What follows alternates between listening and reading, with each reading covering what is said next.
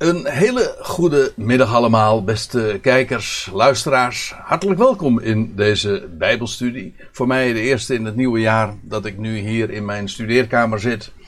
En weer een opname maak in de serie over het boek De Openbaring. Inmiddels nummer 35. En ik was van plan om in deze studie de bespreking van hoofdstuk 17 over Babylon af te sluiten. We hebben inmiddels al een tweetal studies aan dat hoofdstuk gewijd, of drie wellicht. Dat weet ik eigenlijk niet eens meer precies, maar ik wil in ieder geval de laatste versen, vers 12 tot en met 18, in deze, in deze studie bespreken. En ik heb het als subtitel gegeven: De tien koningen en Babylon.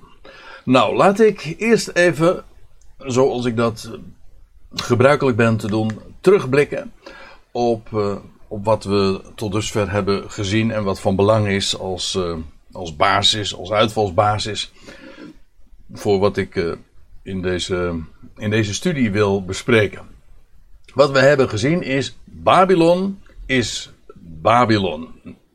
Is niet de naam van een andere stad, uh, zoals uh, erg gangbaar is en zoals dikwijls wordt aangenomen door Bijbeluitleggers. Meestal gaat men ervan uit dat Babylon eigenlijk een naam is voor de stad Rome.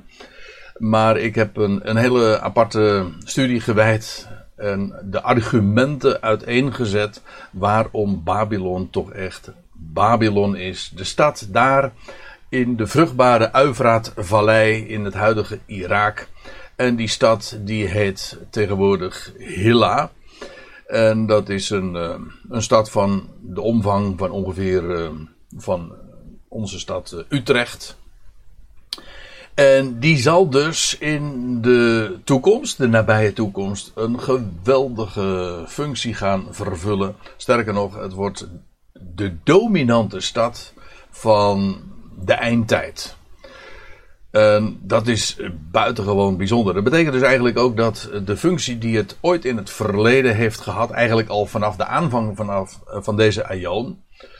Want Babylon was de eerste, de eerste stad waar men zich een naam ging maken. En later in de geschiedenis, in de dagen van Nebukadnezar en ook in het Medo-Persische Rijk en later ook onder Alexander de Groot in het Griekse Rijk, heeft deze stad een geweldige, grote, belangrijke functie vervuld. En ze staat in de Bijbel eigenlijk ook symbool als de stad ja, van deze Aion. En dat klopt ook, want ook deze Aion, deze, dit wereldtijdperk zal met deze stad worden afgesloten. Babylon wordt in deze in dit uh, Bijbelhoofdstuk neergezet als een hoer. Ze opereert ook zo. Dat wil zeggen, ze verkoopt zichzelf. En dat ze een hoer is, dat heeft uh, alles te maken met het feit dat ze feitelijk de vrouw is, geacht wordt te zijn van God, maar ze verkoopt zichzelf aan de wereld. En uh, de eigenaardigheid is dat uh, in de eindtijd Babylon feitelijk een verlengstuk is, een dependans van Jeruzalem. Je leest ook dat ze haar zetel heeft op zeven bergen en dat verwijst naar. Ja, dat is meestal het argument dat het op Rome zou slaan. Maar ik zal u vertellen, ook Jeruzalem is gebouwd op zeven bergen. En daar, daar is zij feitelijk een verlengstuk van. Uh, het komt er eigenlijk op neer. Ik heb daar bij een andere gelegenheid. Uh, toen we het ook over ditzelfde hoofdstuk hadden, heb ik dat uh, laten zien. Vooral aan de hand van, van Zacharia 5. Dat inderdaad de Joodse staat een, een, een, plek gaat zoeken daar in het huidige Irak. En zich daar gaat vestigen. En daar uh, ook uh, zal een, een, een, geweldig economisch centrum, wereldcentrum worden gevestigd. En het geld vlucht daar naartoe.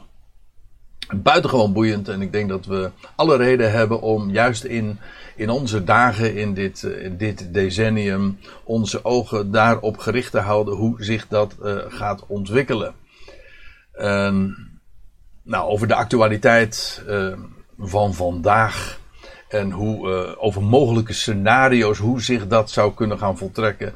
Daar ga ik me nu niet over uitlaten. Ik wil me nu echt, uh, echt concentreren op de Bijbelse gegevens. Eén ding is zeker: Babylon opereert als hoer, zo wordt ze genoemd. Ze is een dependance van Jeruzalem. En het is ook en dat is het eigenaardige. Het is niet alleen maar een, een verlengstuk van de stad Jeruzalem, een verlengstuk van de Joodse staat, maar het is tevens het hoofdkwartier van dat eindtijdelijke rijk, dat laatste wereldrijk van deze Aion. Het hoofdkwartier feitelijk ook van het beest. Uh, die, die hoer die zit, zo wordt ze ook uh, gezien door Johannes, die zit op dat beest met die zeven koppen. En die tien horens. Dus die, die dubbele functie eh, vervult Babylon. En eh, daar kom ik later nog even op terug. De zeven koppen van dat beest, dat Johannes ziet. En het wordt allemaal uitgelegd. En uh, voor een deel hebben we dat al besproken. Maar dat, uh, de vorige keer heb ik dat trouwens uh, toegelicht. Die zeven koppen zijn, hebben twee betekenissen. Die, dat is ook wat Johannes benoemt. Het zijn zeven bergen. En ik heb u laten zien dat is Jeruzalem. Maar het zijn ook zeven achtereenvolgende koningen niet koninkrijken, zoals het vaak wordt uitgelegd. En dan, dan legt men de link met het verleden, met allerlei uh, wereldrijken in het, in het verleden. Maar het gaat niet over koninkrijken, maar over koningen. Dat wil zeggen, uh, dat laatste wereldrijk heeft een aantal hoofden, koppen, ja. Dat wil zeggen, die uh, dat rijk besturen. En, en, en zeven stuks, zeven koningen. En dan staat er vijf vallen. De zesde die wordt gedood. En vervolgens dan ook korte tijd vervangen door het zeven, de zevende kop. Maar, en dat is het uh, bijzondere, nummer zes herstelt dan. Hij wordt gedood, dodelijk gewond, maar herstelt. En dan uh, staat hij op uit de dood en dat zal een zo'n groot spektakel zijn. En ja, dat betekent dat nummer 6 weer terugkomt. En 7 moet aan het veld ruimen. En eigenlijk is die, uh, die, die nummer 6 die dan weer opnieuw optreedt, dus eigenlijk ook de achtste. Dat is wat Johannes uh, beschrijft. En ja, dat, dat, dat zevende hoofd, ja, daar gaat allemaal, uh, om, om dat zesde hoofd, daar gaat alles om. En en hij wordt ook gewoon genoemd het beest. Ik bedoel, waarbij, ik, ook dat zal ik straks nog wel even laten zien. Het beest kan slaan op het, het, het, de totaliteit van het rijk. Dat zoveel koppen heeft. Maar het kan ook slaan op die ene representant. Namelijk dat, die ene kop. sorry. Die uh, het rijk zal besturen. Nou, en dan haak ik aan bij vers 12 en dan wordt er vermeld door Johannes. En de tien horens die jij waarnam zijn tien koningen. Zodat de symboliek, daar hoeven we niet naar te raden. Het wordt gewoon verklaard. Dat geldt voor heel veel dingen die Johannes ziet. De hoer die hij ziet. Uh, ook dat zullen we straks nog zien trouwens. En die koppen, die worden allemaal verklaard. En soms zijn er dus zelfs verschillende verklaringen voor één ding die hij waarneemt. Bijvoorbeeld die zeven koppen. Uh, kan zowel slaan op, een, op, op zeven bergen waarop het zetelt, als ook op zeven koningen. Nou ja, en hier hebben we dan tien koningen. En het eigenaardige is dus, en dat is erg belangrijk voor het verstaan. Die zeven koppen, dat zijn zeven achtereenvolgende leiders van dat beestrijk. De tien horens zijn eveneens tien koningen, maar met dat verschil, zij zijn de tien koningen of leiders die tegelijkertijd zullen heersen onder leiding van een van die zeven koppen. En dat betekent dus dat dat rijk in feite een federatie is met een aantal koningen. En die tien koningen hebben ook uh, vervolgens ook uh, weer een, een hoofd. Hè? Een, uh, degene die over het geheel gaat. Hè? Die, die tien koningen die hebben dan elk een, een bepaald domein waarbij het ene domein grenst aan dat van de ander. Maar die kop van dat beest, of die achtereenvolgende koppen, ja, die heersen over het geheel. En dat is het grote verschil. Dus uh, die, nogmaals, de zeven koppen zijn de achtereenvolgende koningen van die leiding geven aan het geheel van het rijk. En de tien horens, dat zijn tien koningen die tegelijkertijd zullen heersen. Ook dat zullen we zien. Maar uh, dan staat er nog bij, uh, die, dat zijn tien koningen die nog geen koninkrijk ontvingen. Met andere woorden, uh, de tien koningen die zullen pas optreden in de tijd van dat van de laatste leider, laatste koning, dat die achtste, of zo u wilt, de herstelde zesde. Ja, het is misschien wat, wat complex. En als je er nu zomaar zou invallen bij deze studie. en het voorgaande niet hebt meegenomen. Dan, dan begrijp je het niet. En toch denk ik dat het wel. een, een helder verhaal is. die tien koningen. Daarom, ik, ik moet er misschien nog eventjes iets bij zeggen. ik gebruik zelf de uitdrukking ook nog eens een keertje de tien statenbond. Maar ik wil er een, een, korte kanttekening bij plaatsen. In de eerste plaats, het is niet een Bijbelse uitdrukking. Dan zou je inderdaad al heel erg beducht moeten zijn. Uh, ik gebruik hem voor het gemak wel eens, maar ik maak deze. Uh, met, met, deze disclaimer, zeg maar. Het is geen Bijbelse uitdrukking. En bovendien, die tien staten, of beter de tien koningen eh, die zullen eh, pas optreden in de tijd eh, van, dat, van het beruchte beest. Die herstelde zesde kop, die, die zal optreden. Nou ja, zij zijn tien koningen, staat er, die nog geen koninkrijk ontvingen. Maar als koningen één uur autoriteit ontvangen met het beest. Waarbij ik hier uh, nog even eraan uh, herinner, uh, waar ik wederom eventjes op wijs, wat ik zojuist ook al even aanstipte. Hier is het beest, dus niet het hele rijk als geheel, maar dat is de kop, de, het hoofd van het rijk, namelijk nummer 8, hè, de herstelde zesde, het herstelde zesde hoofd. En zij, die tien koningen zullen dus één, uur, een, een, een korte tijd, autoriteit ontvangen met het beest. Nou, en nu wil ik eventjes een, een intermezzo inlassen. Omdat die, dat gegeven van die tien koningen, maar niet zomaar uh, hier in het boek Openbaring als nieuw wordt gepresenteerd. Nee, als Sorry hoor.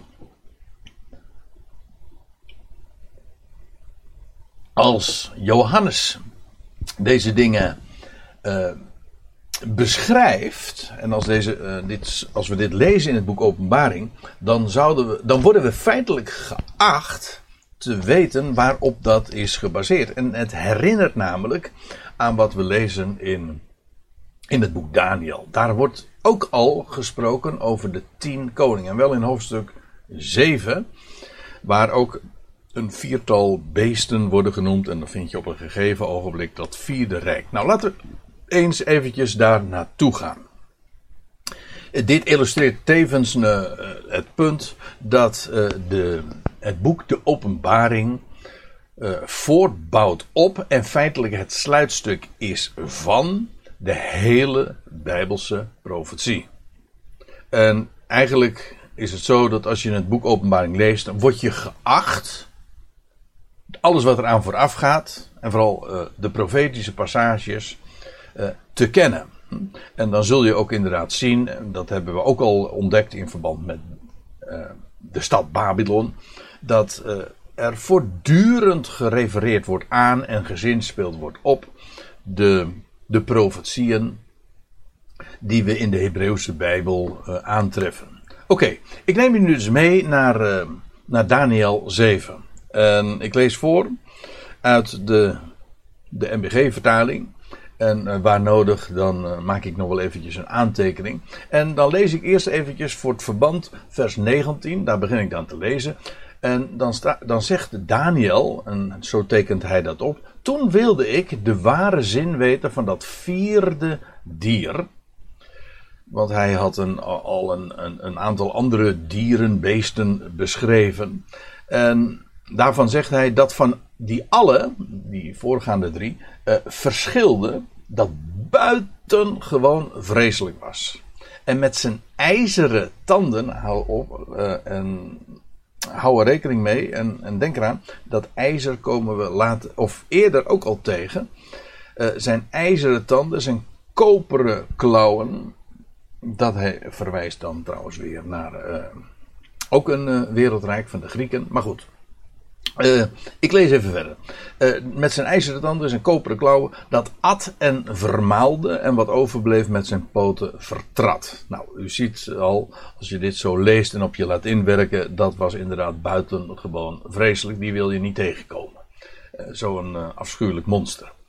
En dan staat er, en Johannes, of Daniel wilde weten wat de ware zin was van dat vierde dier. En dan staat erbij, en, en van de tien horens welke op zijn kop waren. En van die andere, want hij had dat al beschreven, hij had het visioen waargenomen. En wat we nu gaan lezen in het navolgende is de verklaring van dat visioen, wat, uh, wat het allemaal betekent. en Johannes wil dat weten, of pardon hoor. Uh,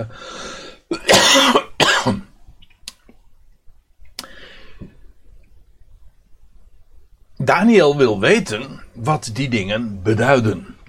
Hij zegt, en ik wilde dat weten van de tien horens die op zijn kop waren. En, die, en van die andere die zich verhief. En waarvoor er drie uitvielen. En terwijl deze horen met ogen en een mond vol grootspraak. er, er groter uitzag dan de andere. Want dat is wat, uh, wat Daniel ook al uh, waargenomen. Hij had tien, koningen, tien horens zien. En dan kwam er tussen die tien horens, uit die tien horens, komt er een, een andere horen op. En ja, en nou ja, daar, uh, vervolgens uh, komen er drie uit te vallen. En, ja, en die, die elfde horen, want dat is eigenlijk waar, waar hij het over heeft. Ja, dat is er één met, met ogen en een mond vol grootspraak. En die zag er groter uit dan de andere. En dat is eigenlijk de, de sleutelfiguur. En die, die macabere en, en uh, afschuwelijke rol gaat spelen in dat hele eindtijdelijk gebeuren. Ik lees verder. Ik zag, Daniel zag, dat die, ho die horen strijd voerde tegen de heiligen, namelijk het heilige volk, en hen ook overmocht, of we zeggen hen overwon. Totdat de oude vandaag, dat is een aanduiding van God zelf, die wiens oorsprongen zijn van ouds. Je zou zelfs kunnen zeggen, dat is ook de mensenzoon, want die twee die, die op. Uh, die hebben een, uh, een, een, rol die, die, die elkaar eigenlijk. Uh, ze worden soms verwisseld. Nou, dat fenomeen wil ik nu even laten voor wat het is. De oude vandaag, dat is een aanduiding van God zelf. En dan staat er totdat de oude vandaag kwam en recht verschaft werd aan de heilige van de Allerhoogste. Dat wil zeggen aan het heilige volk. Dus ze worden weliswaar overmocht, overwonnen, maar dat heeft een totdat. En hen wordt recht verschaft, namelijk door God zelf. En, uh, en de tijd dan ook naderde dat de heiligen, het heilige volk, het koningschap in bezit krijgen, kregen. Het komt er eigenlijk op neer. Uh, het koninkrijk gaat uiteindelijk naar het ene volk. Ja, je zou kunnen zeggen naar uh, de Messias. Uh, maar die staat dan weliswaar aan de top van de hiërarchie. Maar het wordt gegeven aan het volk, aan het heilige volk, aan Israël. En het betekent feitelijk dat het laatste, het laatste, het definitieve van Gods weg uh, ook zo bestemde uh, volk is Israël. Die zal de heerschappij krijgen over deze hele wereld. Het laatste wereldrijk is een Israëlitisch wereldrijk. Nou, en dan vanaf vers 23 krijgen we de verklaring van deze beelden, van dit visioen. En hij, uh, degene die dan verklaring geeft, sprak al dus dat vierde dier, dat is het vierde koninkrijk dat op aarde zal zijn. hey, dat uh, klinkt ook bekend, want in Daniel 2 vonden we uh, exact dezelfde term, ook een viertal opeenvolgende koninkrijken. En ook straks zal ik laten zien dat dit vierde koninkrijk inderdaad uh, identiek is aan dat vierde koninkrijk in Daniel 2. Wat er trouwens geteld wordt is het vierde koninkrijk met Babylon als hoofdstad. Want ga maar na. Het, uh, het is eerst het Babylonische Rijk, onder leiding van Nebukadnezar. De, de, de, het, uh, het, het rijk waar ook Daniel zo'n belangrijke functie in heeft vervuld. Daar begon uh, het mee, dat was het eerste. Dan krijg je het, tweede, het Medo-Persische Rijk. Met uh, als uh, bekendste naam Kores of Cyrus. En dan krijg je daarna het Griekse Rijk. En ik heb bij een eerdere gelegenheid al laten zien dat dat uh, al deze drie rijken Babylon als hoofdstad hebben gekend. Alhoewel ik erbij moet zeggen, wel in afnemende betekenis. In, in de dagen van Nebukadnezar was het het absolute uh, hoofdstad. In het Medo-Persische Rijk was het één van de hoofdsteden. En in het Griekse Rijk, bij Alexander de Grote, was het, pas, was het slechts zeer korte tijd uh, de hoofdstad. U weet de geschiedenis wellicht. Ik heb er geloof ik al een keertje eerder op gezinspeeld. Maar het was Alexander de Grote die vanuit Griekenland, vanuit Macedonië, uh, trok richting India en dan, uh, dan verovert hij Babylon. Hij was nog maar een hele jonge man, 33 jaar oud. En hij verklaart uh, Babylon tot hoofdstad van zijn rijk. Want ja, dat heeft wel wat om, om, om daar je, je, je hoofdstad te, gevestigd te hebben. En daar in Babylon verblijft hij. Hij zou verder gaan, maar uh, hij wordt ziek. Hij kreeg een griep. Dat zal wel geen corona geweest zijn, denk ik. Maar in ieder geval, uh, hij, hij, ja, in de, in de bronnen wordt vermeld dat hij griep kreeg en hij overleed daaraan. En uh, dat was eigenlijk ja, dat is het verhaal van het Griekse Rijk, dat maar zeer kortstondig is geweest. Ook uh, gigant, met een gigantische snelheid. Ook Daniel 8 uh, verwijst daarnaar. Een enorme snelheid uh, de wereld veroverde. Maar waar het me nu eventjes om gaat. deze drie wereldrijken hebben stuk voor stuk Babylon als hoofdstad gekend. En sindsdien hebben we geen koninkrijk meer gehad met Babylon als hoofdstad. En dat betekent dus dat als dat alsnog gaat eh, gebeuren, ja, dan is dat het vierde koninkrijk. En dat is waar eh, Daniel het hier ook over heeft. Dat is ook het koninkrijk wat uh, direct voorafgegaan wordt aan het Messiaanse Rijk, waarin het, ja, de wereldheerschappij zal worden gegeven aan het volk van Israël. Nou, wij leven momenteel in, uh, in die tijdspanne dat dat uh, zijn beslag zal gaan krijgen. Dat maakte zo'n zo'n serie over het boek De Openbaring natuurlijk buitengewoon boeiend en actueel. Want, want je gaat de contouren waarnemen van wat er nu in de wereld plaatsvindt. En, en, en ja, dat zal, dat zal alleen maar duidelijker gaan worden. En ja, ook de, de chronologie wijst helemaal in die richting. Hè. We zitten aan het einde van zes millennia sinds Adam. En dat betekent dus dat de, de Shabbat, de, het, het, de duizend jaren, dat laatste millennium, ja, dat uh, gaat niet lang meer uh, duren. Dat kan niet anders. Hoe dan ook, dat vierde koninkrijk, dat uh, met Babylon als hoofdstad, dat, dat gaat komen. En dan staat er, hij sprak al dus, dat vierde dier is het vierde koninkrijk dat op aarde zal zijn. Dat verschillen zal van alle andere koninkrijken, dat wil zeggen de voorgaande drie. En dat de hele aarde, maar die vertaling is in dit geval denk ik eh, discutabel. Want uh, ik heb al zo vaak erop gewezen, juist in deze serie over het boek De Openbaring, dat de uitdrukking de gehele aarde ook vertaald kan worden met het gehele land. Want het, zowel in het Hebreeuws als in het Grieks zijn de termen land en aarde gewoon identiek. En uh, het slaat. In, in de Bijbel is uh, het woordje in het Hebreeuws uh, is dat arets. Kan, dat druidt gewoon op het drogen. In de Bijbel is de, het, de aarde sowieso niet een planeet. Het is gewoon het droge. En iemand die zich op zee bevindt, bevindt zich dus niet op aarde. En het is eigenlijk gewoon het droge, het land. Waarbij land kan betekenen gewoon al het land of een specifiek stuk land. En dan, als het een specifiek stuk land betreft, dan is het doorgaans gewoon een aanduiding van Israël. Haaretz. Dat is uh, zelfs een, een, een standaard uitdrukking die we vele malen ook in de Bijbel aantreffen.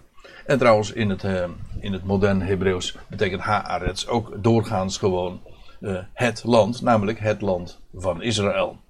En ik denk eerlijk gezegd dat dat hier ook de gedachte is, want uh, hij zal de uh, het gehele land verslinden en haar vertreden en vermorselen. En dat komt namelijk precies overeen met, wat dat, uh, wat, uh, met het afschuwelijke karakter van dat vierde koninkrijk. Want het zal de heilige van, dat zullen we straks in vers 25 lezen van Daniel 7. Het zal de heilige van de Allerhoogste te gronde richten. Nou, dat, dan gaat het over het heilige volk daar in het land dat zal uh, juist, juist zij zullen worden getroffen.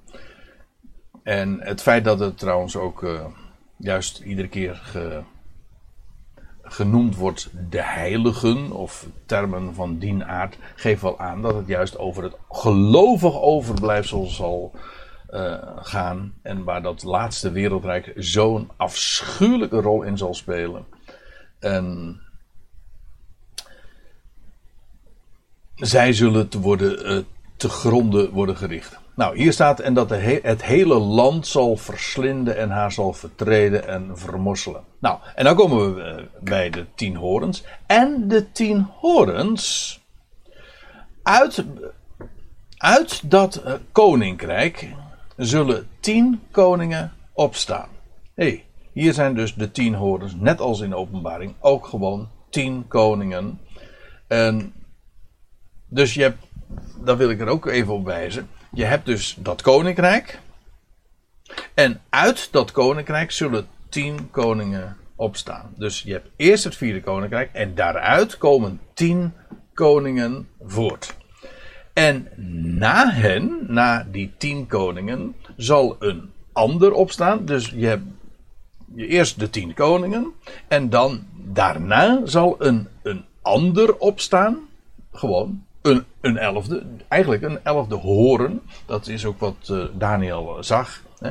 De, uit die, hij zag een beest met tien horens. En dan een, een elfde horen komt op. Hij begint klein en, en, en wordt groter. En dan staat er nog bij, die zal van de vorige verschillen. Dat wil zeggen, hij zal anders zijn dan die andere tien koningen. Van een heel andere aard. Ja. Waarna de vraag natuurlijk is: in welk opzicht zal hij daarvan verschillen? Nou, sowieso in wat hij allemaal uh, gaat uitspoken en, en wat hij gaat doen. Uh, je, zou, uh, je zou ook andere dingen er nog bij kunnen betrekken. Qua afkomst is die ook anders. En ik denk dat er goede redenen zijn om aan te nemen dat het een Palestijn zal zijn. Een Filistijn. Een grote Filistijn. Die. Uh, maar ik moet erbij zeggen, terwijl ik dat uh, zo naar voren breng en opper, dat de argumenten daar vooral typologisch uh, van aard zijn. Misschien dat ik bij een andere gelegenheid of een latere gelegenheid, als ik daar nog wat meer zicht op heb gekregen, nog eens op, op terugkom en wat, wat breder uit, uitwerk. Maar uh, ik blijf het altijd heel erg boeiend vinden dat die strijd tussen, tussen David en, en Goliath, u weet wel, die ook trouwens door de zes gekenmerkt werd, zes el lang was en trouwens ook met, geassocieerd wordt met koper en met ijzer. En, ja, en, de zo, en David die hem dan met dat vijfde steentje verslaat. Ja, de vijf. Na de vier krijg je de vijf.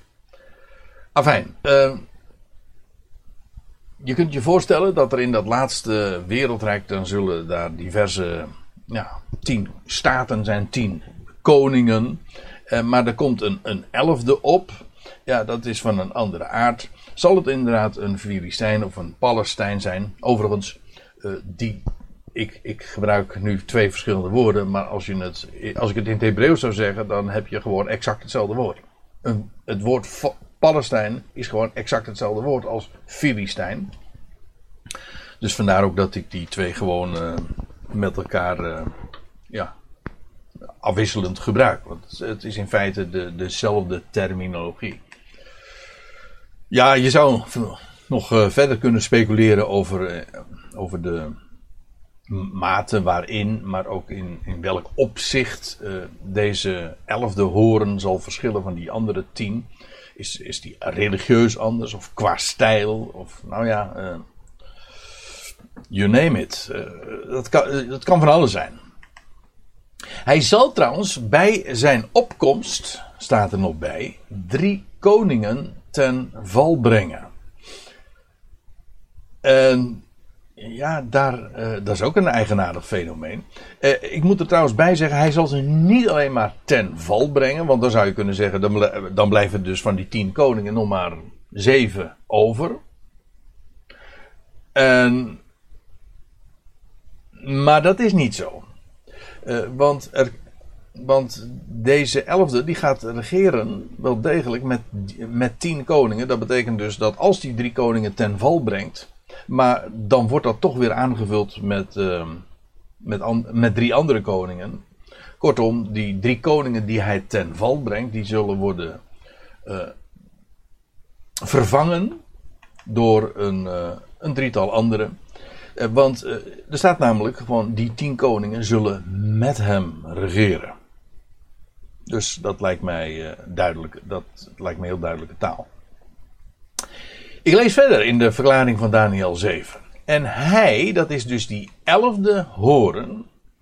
Maar let op, nou krijgen we een heel eigenaardig ding. Die elfde horen is identiek aan het beest, oftewel aan het hoofd van dat rijk. Dus, wat je krijgt is dit. Um, Nee, laat ik eerst even het argument uh, noemen. Want wat hier namelijk, de, deze elfde hoorn die opkomt, die wordt vervolgens beschreven en die gaat die afschuwelijke rol vervullen. En, en wat hij zal doen, is staat, hij zal woorden spreken tegen de Allerhoogste en de heilige van de Allerhoogste, het heilige volk, oftewel het, het gelovig overblijfsel in het land, te gronden richten. Hé, hey, maar dat is precies wat we ook van het beest ook lezen. Al veel eerder in hoofdstuk 13 lazen we. En het werd, dat beest, een mond gegeven, grote woorden en lasteringen sprekend. En aan hem werd autoriteit gegeven dit 42 maanden te doen. Kijk, en dat is precies ook wat je van deze figuur leest in Daniel 7. Dat is gewoon, het komt overeen. Maar uh, wat in openbaring 13 dat uh, een van de koppen is, dat de zesde kop, zoals we hebben gezien.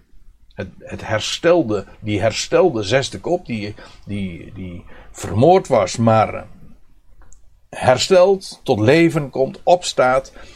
Uh, die wordt vervolgens de leider van dat, van dat rijk. Dus hij komt op uit uh, dat gebied. Hij is die elfde horen. En vervolgens gaat hij de baas worden van dat hele rijk. Hij is dus ook het hoofd van het hele beest. En dus ja, hij komt op uit de federatie en hij wordt uh, van die federatie het zesde hoofd. Vermoord, vermoord en uiteindelijk dus uh, nummer 8. Ja. En ja, Daniel 7 zegt: Hij zal woorden spreken tegen de Allerhoogste en de Heilige van de Allerhoogste te gronden richten. Hij zal erop uit zijn tijden en wet te veranderen. Ja, dit gaat vooral over wat hij gaat doen daar op het Tempelplein. Want we weten dat hij. Eh, hij gaat iets afschuwelijks doen. Wat al trouwens eerder ook in de, in de geschiedenis heeft plaatsgevonden. In. Eh,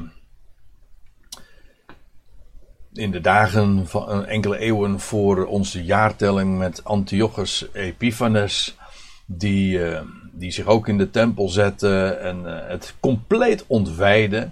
En dat gaat in de eindtijd ook gebeuren. Er komt op het tempelplein in Jeruzalem, daar gaat weer een eredienst komen, daar zal weer een tempel worden gebouwd. Dat is een van de eerste dingen eigenlijk die we mogen verwachten. Uh, in, in, in, in, het, in het eindtijdelijk gebeuren. Ik ben er ook buitengewoon nieuwsgierig naar hoe, hoe en wanneer dit zich gaat voltrekken. Maar er gaat weer een, hoe dan ook, een, een tempeldienst komen. En in Jeruzalem. Maar dan op een kwaad moment uh, zal, dat, uh, zal daar een gruwel worden opgericht, een afgodsbeeld. Ook daar spreekt Openbaring 13 over. En Daniel spreekt daar ook over. En hij zal dus de eredienst stopzetten, zodat er geen slachtoffer en spijsoffer meer gebracht kan worden. In plaats daarvan wordt er een afgodsbeeld neergezet, waarvoor men gedwongen wordt zich neer te buigen. En wat hij doet is alles veranderen. Hij zal de tijden en de wet veranderen. Gewoon dat wat eigenlijk zou moeten plaatsvinden op uh, de heilige plaats, dat verandert hij compleet. Hij houdt geen rekening meer met de, de kalender van, van, van Gods wegen. En met ja, wat Israël geacht wordt uh, te onderhouden. Met de eredienst. En hij zal daar afgoderij plegen op een afschuwelijke manier. En iedereen wordt gedwongen daarin mee te gaan. En, uh, ja, die, uh, en ja, degene die dat uh, doen, die krijgen een teken op het voorhoofd en op de of op de rechterhand. En degene die dat weigeren, ja, die zijn helemaal van het economische leven verstoken. Want ze kunnen niet meer kopen of verkopen. Hoe dan ook, een afschuwelijke tijd gaat er dan op, uh, gaat er dan aanbreken. Hij zal woorden spreken tegen de Allerhoogste en de Heilige van de Allerhoogste te gronden richten. Hij zal erop uit zijn tijden en wet te veranderen. En zij, die Heilige van de Allerhoogste, het gelovig overblijfsel van Israël in het land, zij zullen in zijn macht gegeven worden. Nou, zo worden te gronden gericht. Hoe lang? Wel voor een tijd en tijden en een halve tijd. En we weten precies hoe lang dat is. Namelijk een jaar, twee jaren en een half jaar. Oftewel drieënhalf jaar. Oftewel 1260 dagen. Oftewel 42 maanden. Die termijn wordt iedere keer genoemd. En uh, ik wil er trouwens nog iets bij zeggen. Dat is van belang. Het, die 42 maanden, die tijd, tijd en halve tijd dat is niet de lengte van zijn regeringstermijn. Nee, het is de termijn dat hij de macht heeft om de heilige te gronden te richten. staat hier gewoon bij. En zij zullen, zij, die heiligen van de Allerhoogste, zullen in zijn macht gegeven worden. Hoe lang? Wel voor een tijd, tijden en een halve tijd. Het is niet zo dat na die, na die tijd, tijden, halve tijd, dat zijn heerschappij ophoudt of dat er geen koning meer is. Nee, maar dan zal hij niet langer uh, meer de, de macht hebben over de heilige van de Allerhoogste daar in het land. Nou, ik wil dat uh, straks ook even laten zien. Ik had daar een mooi plaatje van. Uh, ja, nou, die komt later wel. Ja, ik, uh, ik zal dat plaatje straks uh, tonen. Eerst nog eventjes naar Daniel 2. Uh, want daar wordt namelijk ook ditzelfde koninkrijk beschreven. Het vierde koninkrijk. Alleen daar is de, zijn de metaforen anders. Daar wordt een andere visioen, een andere droom gezien. Namelijk niet van dieren en beesten, maar uh, koninkrijken die worden voorgesteld in een, een enorm groot beeld. Uh, waarvan het hoofd uh, van goud is en, en, de romp, de armen van, van koper, nee, van, van zilver. En, de, en het middenstuk, de lendenen van koper en dan de benen en de voeten van ijzer en leem. Vier koninkrijken. Nou, en dan wordt er gezegd in Daniel 2, ook, want ook dan wordt dat vervolgens verklaard, wat dat alles te betekenen heeft. En, en dat gij, en ik, lees weer even voor uit de MBG-vertaling, en dat jij, Daniel, de voeten ja, ik zeg Daniel, maar het, is ook, het was ook Nebukadnezar zelf die uh, deze droom had gezien. En het is eigenlijk Daniel die dit verklaart. En dat gij de voeten en de tenen gezien hebt. De tenen, tien tenen. Trouwens, het woord teen, dat komt van het woord tien. In het Engels is ook een uh, tien gewoon het, ons woord voor teen ja, on 10. Nou, je, de, de spelling is weliswaar anders, maar uh, je hebt niet veel fantasie nodig om inderdaad de, eh, de associatie te zien. Tenen komt van inderdaad 10. En ja, die tenen, die, dat is dat van dat vierde koninkrijk. Ja, dat correspondeert met de tien koningen van dat, van dat rijk. Dus het sluit naadloos aan. En dat gij de, de voeten van de tenen gezien hebt, deels van pottenbakkersleem en deels van ijzer, betekent dat dit een verdeeld koninkrijk wezen zal. Dus dat is wel iets heel bijzonders van dat laatste koninkrijk. Het bestaat uit, uh, uit twee elementen die eigenlijk elkaar niet verdragen. Of in ieder geval uh, niet samenvoegen, geen samenhangend geheel vormen. Pottenbakkersleem, dat, moet, dat is ook heel buiten, eh, erg boeiend in profetische termen, want pottenbakkersleem is een aanduiding voor het huis van Israël. Als je Jeremia 18 opslaat, dan lees je dat, dat Jeremia eh, naar het huis van de pottenbakker gaat. En dan ziet hij, eh, dan moet hij kijken en dan, en dan zegt, dan krijgt hij te horen van ja, dat, dat leem, dat is het huis van Israëls. Uh, en zoals klei in de hand van de pottenbakker, zo uh, is het huis van Israël in mijn hand. Zoiets, woorden van die strekking lees je daar in, in Jeremia 18, vers 6. En ik geloof inderdaad dat dat laatste wereldrijk bestaat uit twee elementen, uh, maar ook wel degelijk gemaakt zal zijn van het huis van Israël. Zal daar een dominant element in zijn. Uh, dan staat er nog eh, bij in vers 41. Uh, eh, wel zal het iets hebben van de hardheid van het ijzer. Juist zoals je dat gezien hebt. IJzer gemengd met kleiachtig leem. Ja, en dan wordt er ook gezegd, deze twee elementen die laten zich niet mengen. En het is, zegt vers 43 dan ook, het vormt geen samenhangend geheel. Het is verdeeld. En wat je krijgt in de eindtijd, namelijk uh, die laatste fase van deze aion, voordat het, het koninkrijk van God over deze aarde zal worden uh, gevestigd, dan zal je een, een verdeeld koninkrijk hebben dat is gemaakt deels van kleiachtig leem pottenbakkersleem. Maar dat verwijst naar de rol van Israël in het koninkrijk. Maar dan begrijp je ook uh, de rol van de stad Babylon daarin. Want ik heb u verteld, Babylon is de hoofdstad van dat laatste rijk. Maar Babylon is een Joodse rijk. Het is het verlengstuk van Jeruzalem. En ik zet er hier zo tussenbij, tussen haakjes bij, geruggesteund of backup door, door de VS. Ja, want ja, Israël en, en de Verenigde Staten die hebben alles met elkaar te maken. Al was het maar ook omdat de Verenigde Staten ook een geweldige grote Joodse lobby heeft. En um, financieel helemaal ook um, garant staat voor de Joodse staat. Ik ben ook heel benieuwd hoe dat zich in de, in de nabije toekomst zal gaan. Uh, ja, wat er gaat gebeuren met de Verenigde Staten.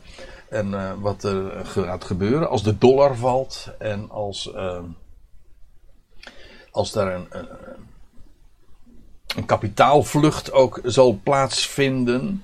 Uh, naar het Midden-Oosten. Want ja, hoe dan ook, het, het financiële centrum zal niet in Wall Street liggen. Maar gaat naar Babylon. Ja, hoe dat zal zich gaan vol, voltrekken dat, we, dat, is, dat staat nog even te bezien. Dat uh, kunnen we met uh, heel veel interesse allemaal waar uh, gaan nemen. Maar dat, dat is wel wat er gaat gebeuren. Dus je krijgt dus dat kleiachtig leem. Dat is de rol van Israël in dat vierde koninkrijk. Dat heeft te maken met de stad Babylon. dat het financiële centrum zal zijn van dat laatste wereldrijk. En tegelijkertijd heb je daar dus ook dat, uh, dat andere element, ijzer, dat harde ijzer. En dat, zijn, ja, dat is de rol van de Arabische staten, de moslimstaten. En je kunt je op dit moment nog nauwelijks voorstellen hoe juist uh, in de toekomst, uh, in de nabije toekomst, daar in het Midden-Oosten de gelederen gesloten zullen worden. En dat daar een, een, een, een samenwerking gaat ontstaan tussen al die Arabische staten en de Joodse staat. En hoe uh, daar de Joodse staat in Irak uh, zich gaat vestigen. En daar zo'n grote rol in gaat spelen. Maar je kunt je natuurlijk wel heel gemakkelijk voorstellen hoe die twee elementen, aan de ene kant dus het huis van Israël, de Joodse inbreng even om zo te zeggen, en tegelijkertijd de, de Arabische wereld, hoe de moslimwereld, die eigenlijk de Joodse staat niet kan verdragen, hoe die twee toch uh, het op een, uh, een, een, samenwerkingsverband zullen gaan vormen, een federatie en een machtig rijk gaan uh, betekenen. En ja, dat is wat, wat zich zal gaan voltrekken in, in de toekomst. Nou, dat was even het uitstapje naar, uh, naar, naar het boek Daniel, waar, uh, we vinden, waar we dus ook die tien horens, de tien koningen in dat vierde koninkrijk aantreffen. En ook in Daniel 2, waar dan gewezen wordt, zo even terloops, uh, op die tien tenen. En, en op dat verdeelde koninkrijk over die twee elementen waaruit het zal bestaan, maar die geen samenhangend geheel zullen vormen met elkaar. En dat brengt mij nu weer terug bij Openbaring 17. Want uh, ik had het dus over die tien horens, die tien koningen. En nou ja, we hebben nu dus gezien waar dat vandaan komt. Hoe dat allemaal uh, refereert aan wat, we, wat Daniel ook al had beschreven. En deze, en dan gaat het over die tien horens, die tien koningen, die hebben één mening. En ze geven hun macht en autoriteit aan het beest.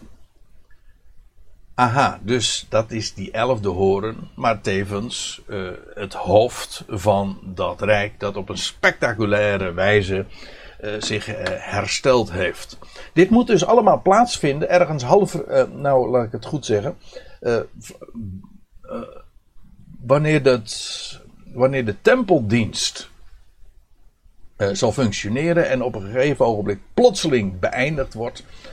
Uh, als die 42 maanden ingaan, ja, dan dat is het moment dat die, dat die, die zesde leider vermoord zal worden en ook zich zal herstellen.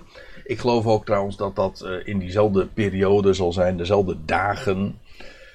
Dezelfde maand, ik weet het niet uh, in welk tijdsbestek ik moet denken, maar het is heel kort in ieder geval, dat uh, de mannelijke zoon wordt weggerukt tot God en zijn troon. Oftewel de wegrukking van de Ecclesia. In die tijd gaat dat allemaal plaatsvinden.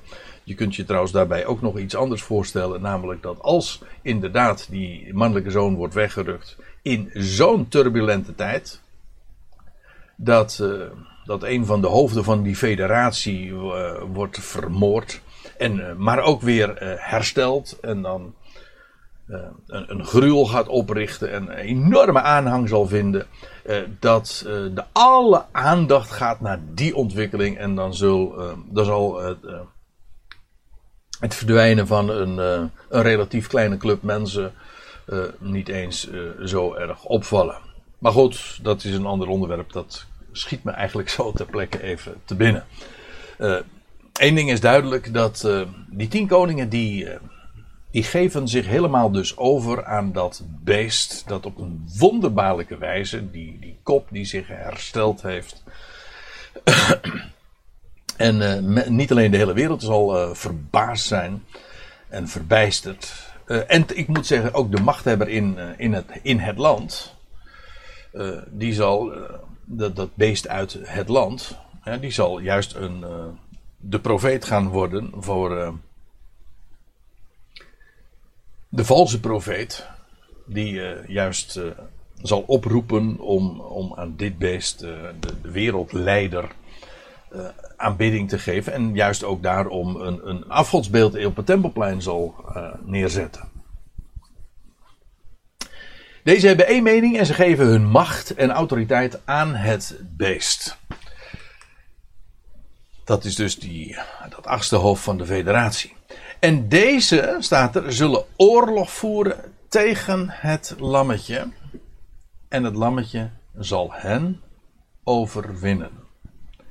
Nou, dat is die oorlog, daar hebben we het al eerder over gehad.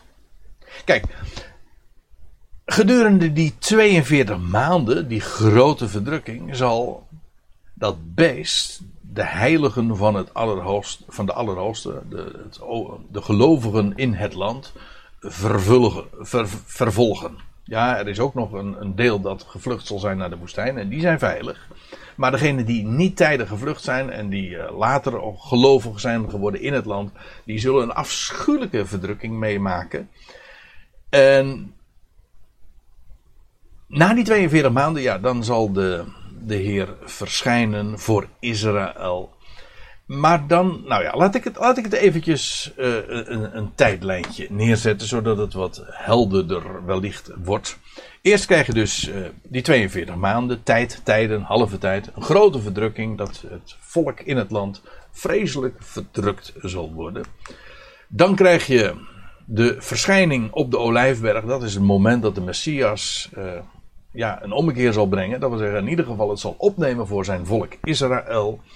En ja, vanaf dan gaat Israël hersteld worden. En ja, ja, we hebben daar al uh, vaak bij stilgestaan. Er zal een, een, niet alleen het volk uh, zal hersteld worden, uh, verzameld worden vanuit de, vanuit de hele wereld. Maar ook zal er een selectie uit hen van jonge mannen worden geselecteerd. Die, die het, de boodschap als ambassadeurs het, het, het koninkrijk gaan aankondigen in de wereld.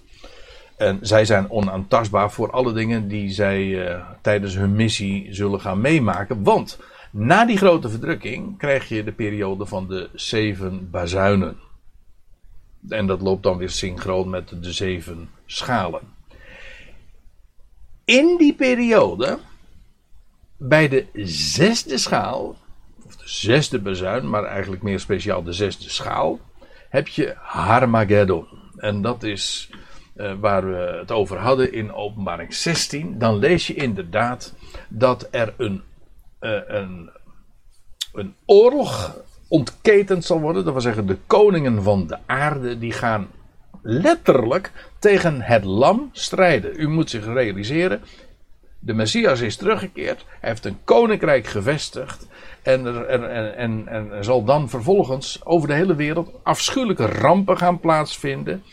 En uh, ja, die 144.000 die zullen gaan vertellen van onderwerp je nou maar aan de koning, aan dat koninkrijk dat hier nu begonnen is, daar in het Midden-Oosten.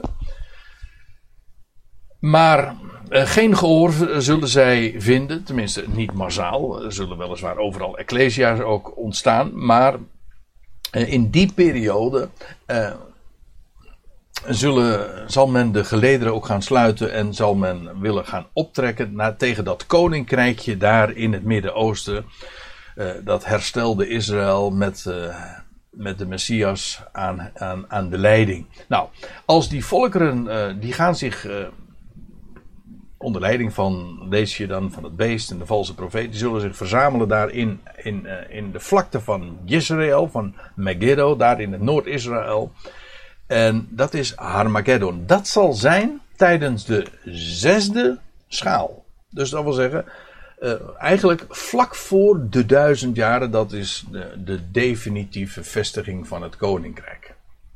Dus als hier in Openbaring 17, vers 14 sprake is van deze zullen oorlog voeren, ja, dan verwijst dat naar Openbaring 16, namelijk naar de dat wat plaatsvindt tijdens de zesde schaal. En ze worden dan trouwens ook helemaal uh, in de pan gehakt. Ja, dit is dus eigenlijk het voorlaatste. Dan, dan, wat er dan nog uh, gaat plaatsvinden, dat is eigenlijk het, uh, het staartje, zeg maar, nog van, van, van alle gerichten en rampen.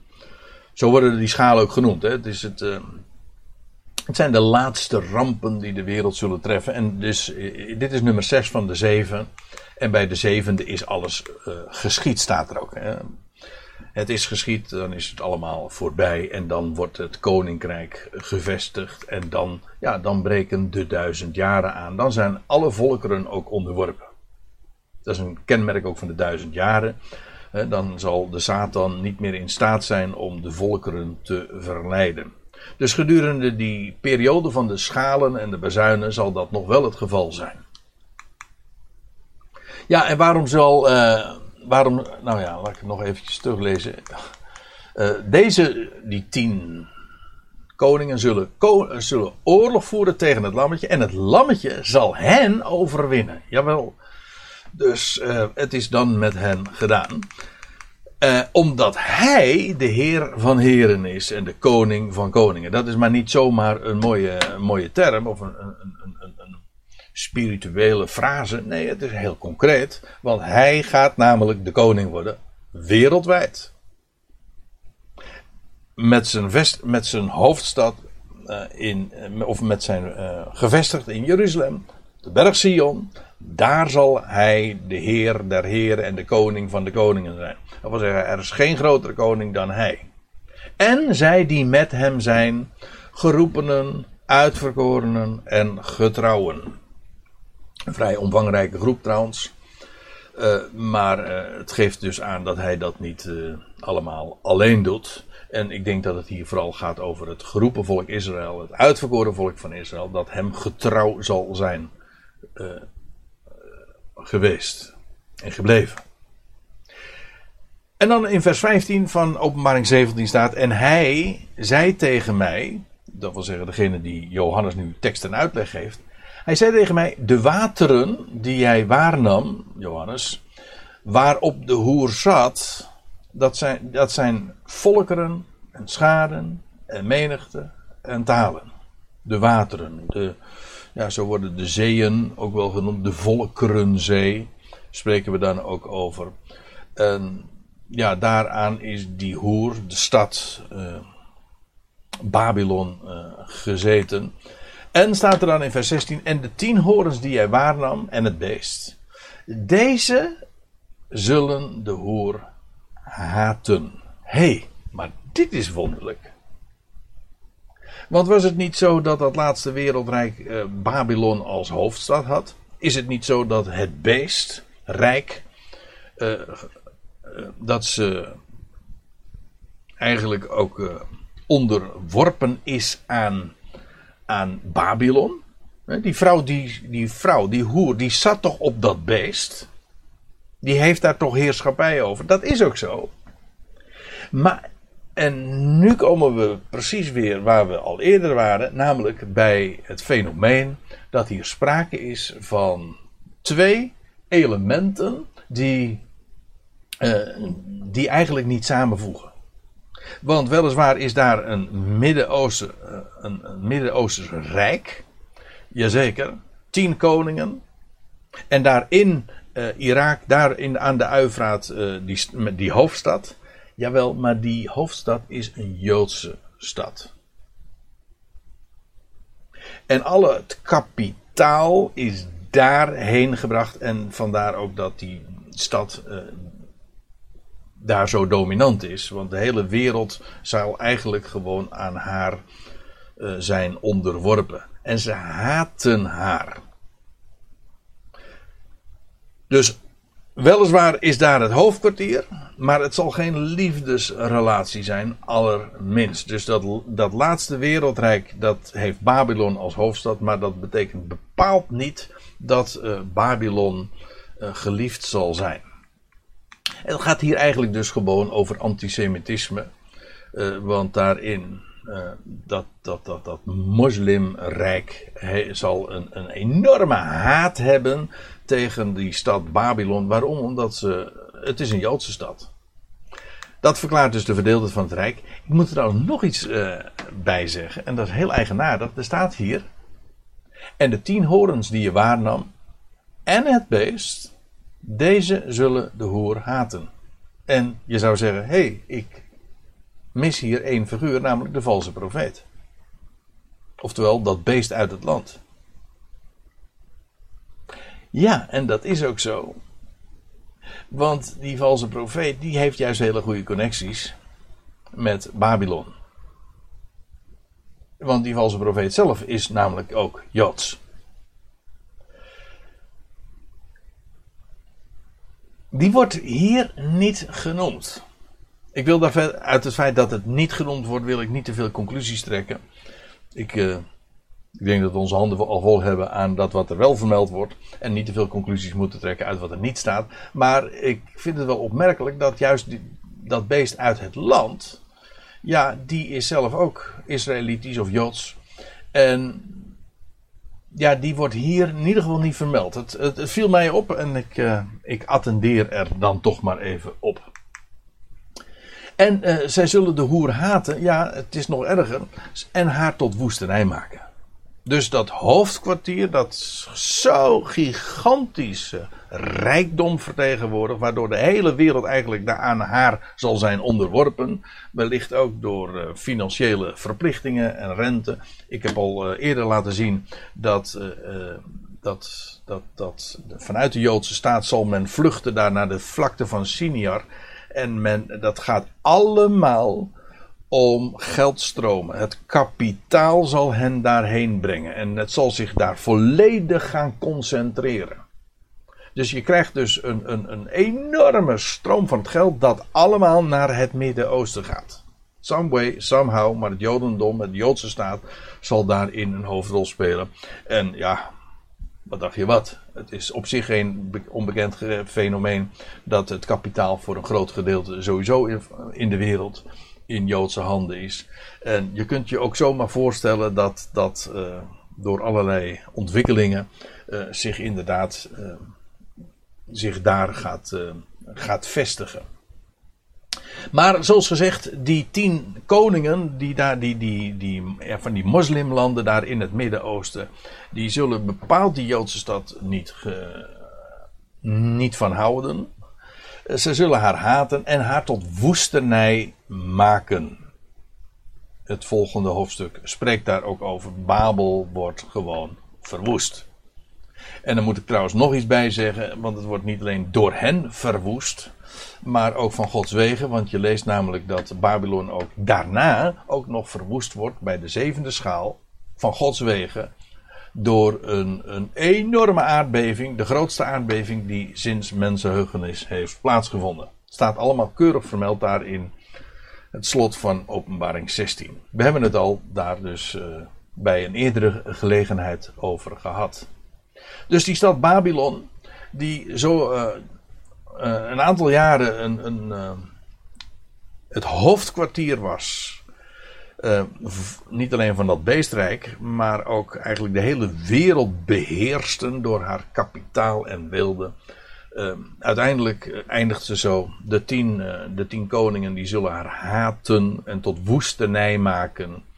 En haar vlees zullen zij eten. Wat gewoon betekent haar inwoners worden omgebracht.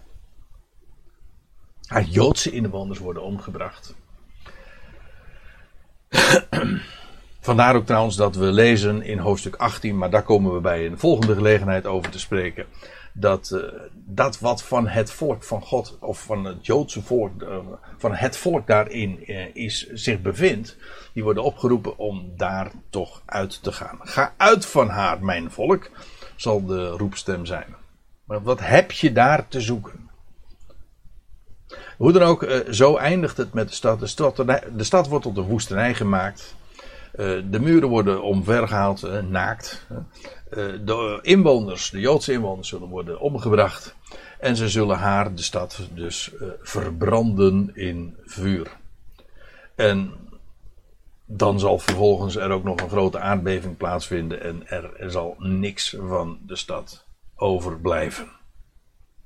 Maar over dat lot zullen we het nog hebben als we hoofdstuk 18 bespreken. Maar zo eindigt het dus met, uh, met uh, deze stad Babylon. Want staat er in openbaring 17, vers 17. Want God geeft in hun harten zijn mening te doen. Leuk hè? God geeft in hun harten, die van die tien koningen, zijn mening te doen. Dus Babylons verwoesting door die tien koningen sluit naadloos aan bij Gods mening. Moet je nagaan. Je zou zeggen van ja, maar die, die tien koningen die onderwerpen zich toch niet aan Gods mening. Nee, dat is ook zo. Maar God geeft hun in hun harten dat zij gaan doen wat hij wil. En dat zij gewoon een einde maken aan die, aan die stad Babylon. En zij worden weliswaar gedreven door haat en antisemitisme, antisemitisme. Maar daarmee vervullen ze wel degelijk ook eh, de gerichten van God. En zonder dat zij zich daarvan bewust zijn. Nee, de mens heeft geen, geen, geen, geen vrije wil. De mens kan zich. Een mens doet zoveel waar, zich, waar die zich helemaal niet eens van bewust is. En God uh, leidt alles uiteindelijk gewoon op achter de schermen. En ja, dat is een geweldige waarheid natuurlijk. Dat, er staat ergens in spreuken dat het hart van de koning, dat geldt ook voor deze koning, het hart van de koning is in zijn hand als waterbeken. Dat wil zeggen, hij leidt het heen waarheen hij wil. En wij denken dan dat we, ja maar goed, als, als ik mijn toestemming niet geef, als ik dat zelf niet wil, dan gebeurt het niet. Hier staat dat het precies omgekeerd is. God geeft in hun harten de grootste vijanden eigenlijk van hem, die doen niets anders dan wat God wil. God geeft in hun harten zijn mening te doen en één mening te doen. En het koninkrijk van hen, van de tien dus, van de tien koningen, te geven aan het beest ja, totdat de woorden voleindigd zullen worden. Uh, totdat ook uh, hij, dat beest, uh, gegrepen wordt. En ja, dat zal trouwens ook allemaal bij de zevende schaal zijn voltooiing vinden. Dus ja, hun dagen zijn geteld de woorden zullen voleindigd worden. Dat wil zeggen, dat wat God gesproken heeft, dat wat hij voorzegd heeft, dat wat hij voornemens is, dat vervult hij. En totdat uh, dat moment is aangebroken, gaat het precies zoals God dat heeft gepland. Zelfs de grootste tegenstanders kunnen geen millimeter afwijken als God dat niet wil. Als God uh, en zo zie je dus ook uh, wat Paulus in Romein 9 zegt. Want wie heeft ooit zijn raad, zijn bedoeling weerstaan? Dat kan niet. Niemand heeft ooit Gods weer, geen Gods, wel Gods wil weerstaan, maar nooit Gods bedoeling. Dat kan niet. Zelfs de farao die, die Gods volk haatte en niets wilde weten van, van de woorden Gods, van laat mijn volk gaan, die kon niets anders doen dan wat God had gepland. En namelijk via zijn tegenstand juist zijn Gods naam te verheerlijken. Geweldig. Hoe God altijd alles compleet onder controle heeft. Dat is een geweldige waarheid. En ook als deze dingen waar we het nu over hebben nog, uh, zich allemaal nog, moeten gaan uh, voltrekken. En wij nu uh, ja, in de aanloop daarvan zeg maar leven. het is zo'n geweldige waarheid om daar ons nu al van bewust te zijn. Nou, dan lees ik tenslotte nog vers 18.